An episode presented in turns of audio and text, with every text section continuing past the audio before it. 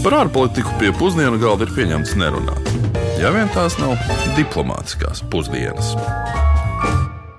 Labdien, diplomātiskajās pusdienās! Ir ierastais otrdienas pusdienlaiks, un es Uģis Lībijams no Latvijas Rādio ziņu dienesta un mans kolēģis Dr. Kārls Bukovskis no Latvijas ārpolitikas institūta esam gatavi doties ceļojumā uz kārtējo pasaules valsti, lai visi kopā izzinātu šo valstu politisko, ekonomisko, sociālo vēsturi un arī mūsdienu dzīvi lai ielūkotos valsts priekos, bēdās, sasniegumos un problēmās. Jā, nu esiet sveicināti, un šodien mūsu stāsts vedīs uz St. Lūsiju, valsti Karību jūras reģionā, Atlantijas okeāna rietumos, netālu no Trinidades un Tobago, kas nekad tā arī nebija Latvijas vai Latviešu kolonija, kā mēs esam runājuši attiecīgajā raidījumā vēl tālajā 2020. gadā. Sentlūzijas valsts nosaukums ir saistāms ar to, ka salu varētu būt atklājuši spāņi tieši 1502. gada 13. decembrī, kas ir Svētās Lūcijas diena kristiešu tradīcijās. Starp citu, par nosaukumu runājot, šis padara Sentlūsiju par vienīgo valsti pasaulē, kur ir nosaukta reāli dzīvojušas sievietes vārdā, proti, 3. gadsimta moceklis Sirakūzas Lūcijas vārdā.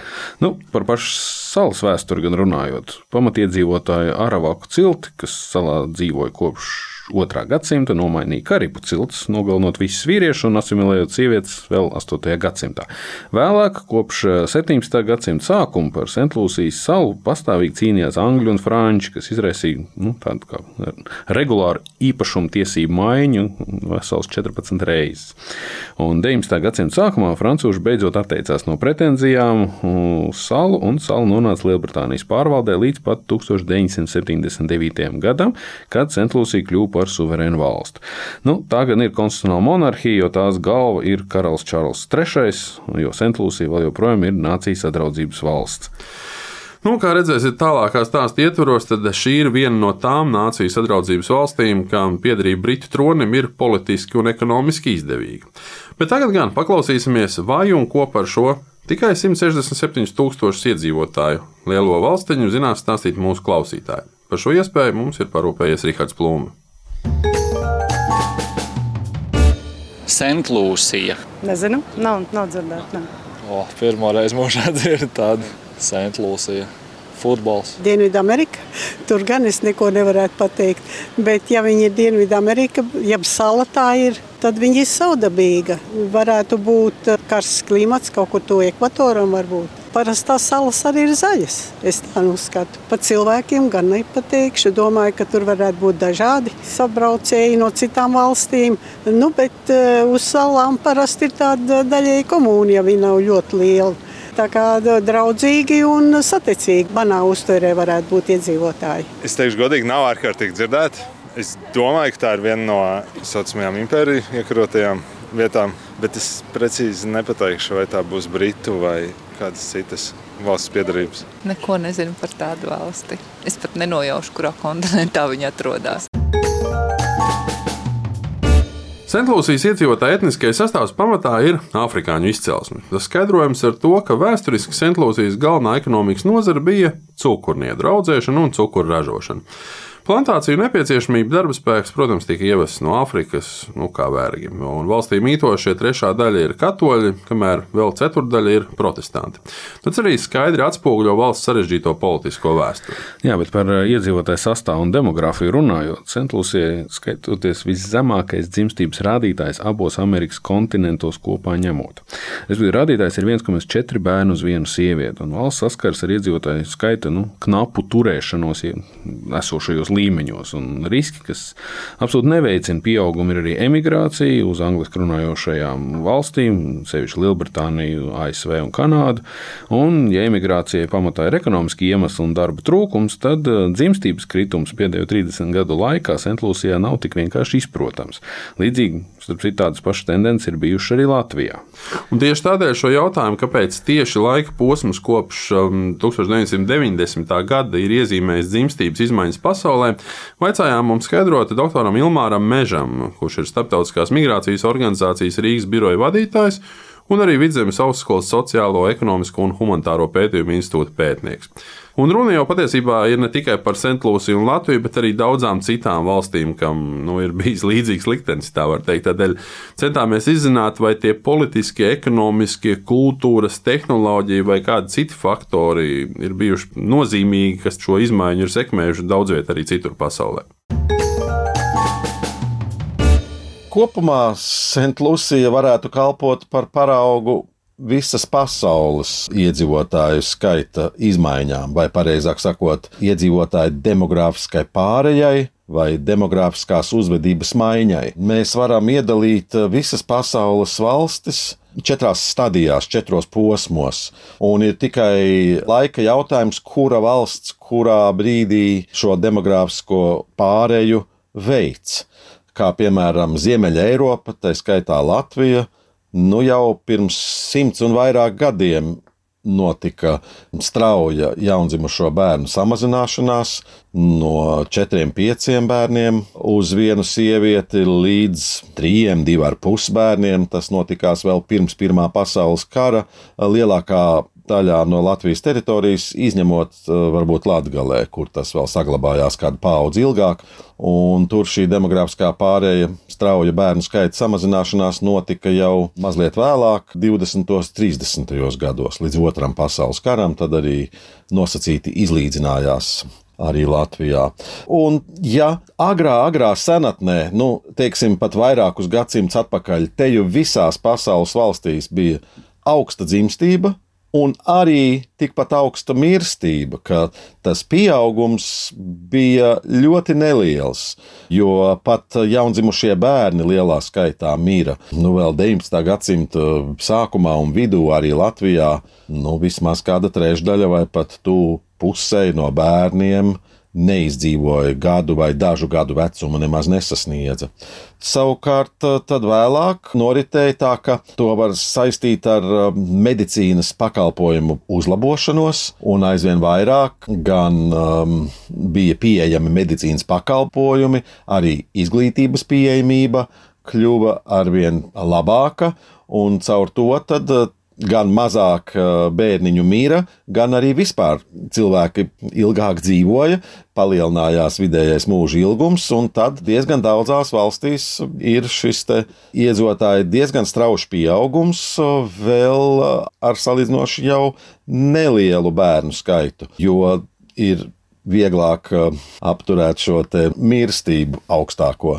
Nu, un tad daudzas Eiropas valstis, un Latvija te jau pirmajās rindās, ir sasniegusi tādu demogrāfiskās uzvedības um, jau stadiju, ka ilgstoši nepietiek uh, jaundzimušo bērnu skaits nepietiekams, lai varētu noritēt vienkārši paudžu atjaunošanās. Citiem vārdiem, lai mirušo nebūtu vairāk par dzimušajiem. Savukārt, Arī Āfrikas valstīs, kurā varbūt ir daudz vietu vēl ļoti strauji pieaugums, arī tur tuvākajā gadsimtā šī dzimstība tiek paredzēta, ka samazināsies uz līdzīgu nelielu, nu, varbūt uh, divi, mazliet vairāk par diviem bērniem. Citiem vārdiem, uh, šobrīd uh, pasaulē tas pieaugums, kas mums vēl notiks tuvākās desmitgadēs, viņš praktiski notiks gandrīz tikai tajās valstīs ar viszemāko iedzīvotāju labklājību, viszemāko arī turības līmeni, tātad nabadzīgākajās valstīs. Nu, bez Āfrikas tur vēl varētu pieminēt tādas valsts kā Afganistāna, kas arī ir ļoti īpatnēja. Savukārt vairumā pat Āzijas valstīs ir visai jau pieticīgs. Nu, tas iedzīvotāju pieaugums mēs redzam Ķīna ar savu vienu bērnu politiku, jau sāk atpalikt no Indijas iedzīvotāju skaita ziņā, Japānā, Dienvidkorejā tas jau sen ir noticis.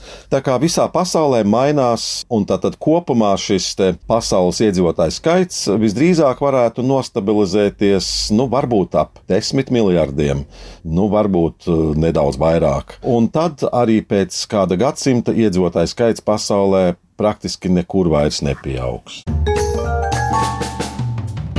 Par Sentlūsijas iedzīvotāju skaita samazināšanās iemesliem kalpo arī vēl viens visnotaļ specifisks aspekts un faktors, respektīvi augstais slepkavību skaits. Proti, 2021. gadā slepkavību skaits sasniedz vēsturiski augstāko rādītāju - 75 slepkavības gada laikā. No Latvijas rādītājs tajā pašā gadā salīdzinājumā bija 37 nogalināti cilvēki. Ņemot vērā iedzīvotāju skaita atšķirības, tad Sentlūsijas rādītājs ir 5 reizes augstāks par Latvijas. Pasaules rekords gan Sentlūsijas rādītājs tomēr nu, nepārspēja un nebūtu iekļaujams, jo Salvadorā, ko esam aplūkojuši arī iepriekšējos raidījumos, rādītājs ir divreiz lielāks nekā Sentlūsija un desmit reizes lielāks nekā Latvijā. Nu, jā, priecāties gan par šo nav īpaši pamata. Sevišķi mazām sabiedrībām un kultūrām. Katra cilvēka zaudēšana, protams, ir traģēdija. Nu, tā nav tikai statistika.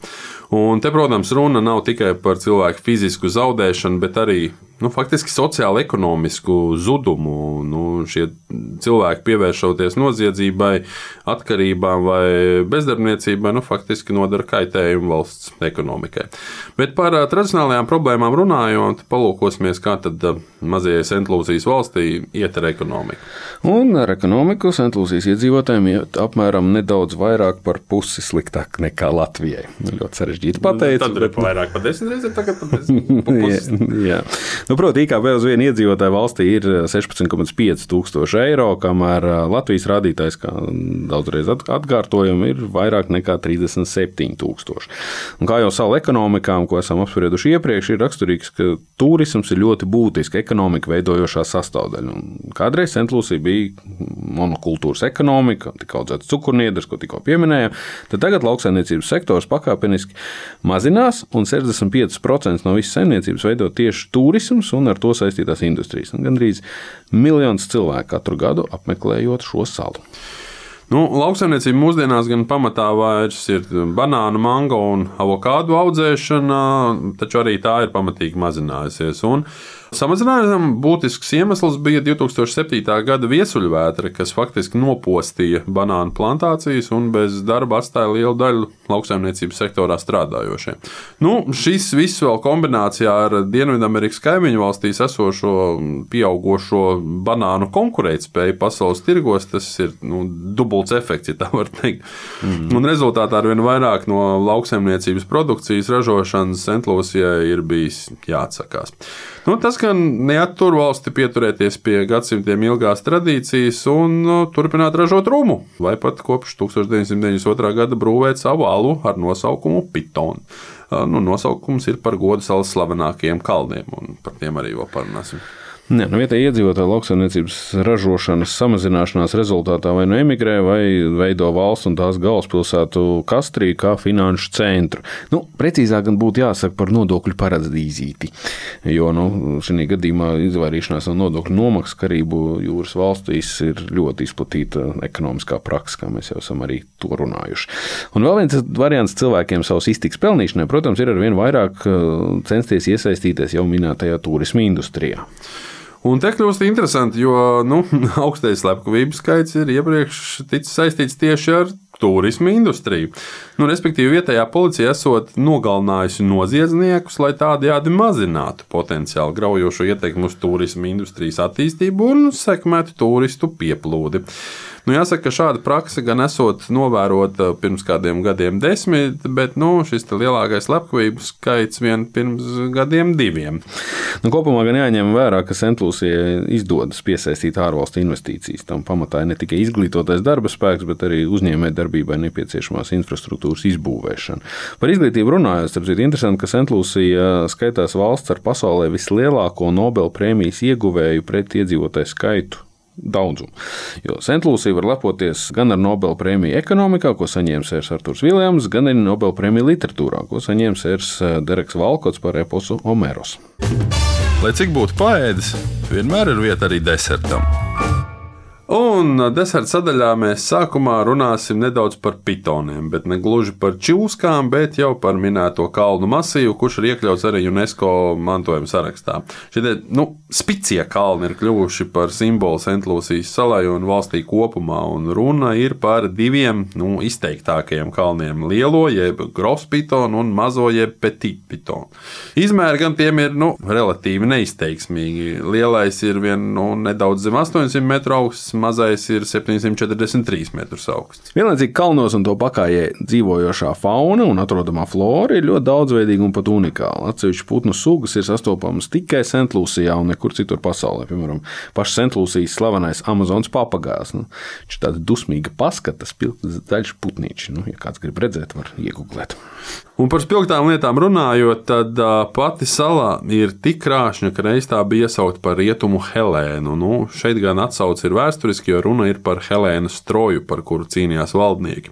Un angļu un franču politiskās cīņas par salu arī noved pie šīs iesaukas. Nu, līdzīgi, starp citu, tā ir tikusi dēvēta par iguānu salu, tur daudz mītošo, daudzskaitlīgo ķirzaku dēļ. Dabas skaistums ir bijis arī iemesls, kādēļ daudz pasaules slavenības ne tikai atpūšas Sentlūsijā, bet arī svinot tur kāzas. Starp manītākajiem, biežāk manītākajiem esot Opera Winfrey, Mets Deimons un arī Justins Bībers. Kaut gan kur to nevar redzēt.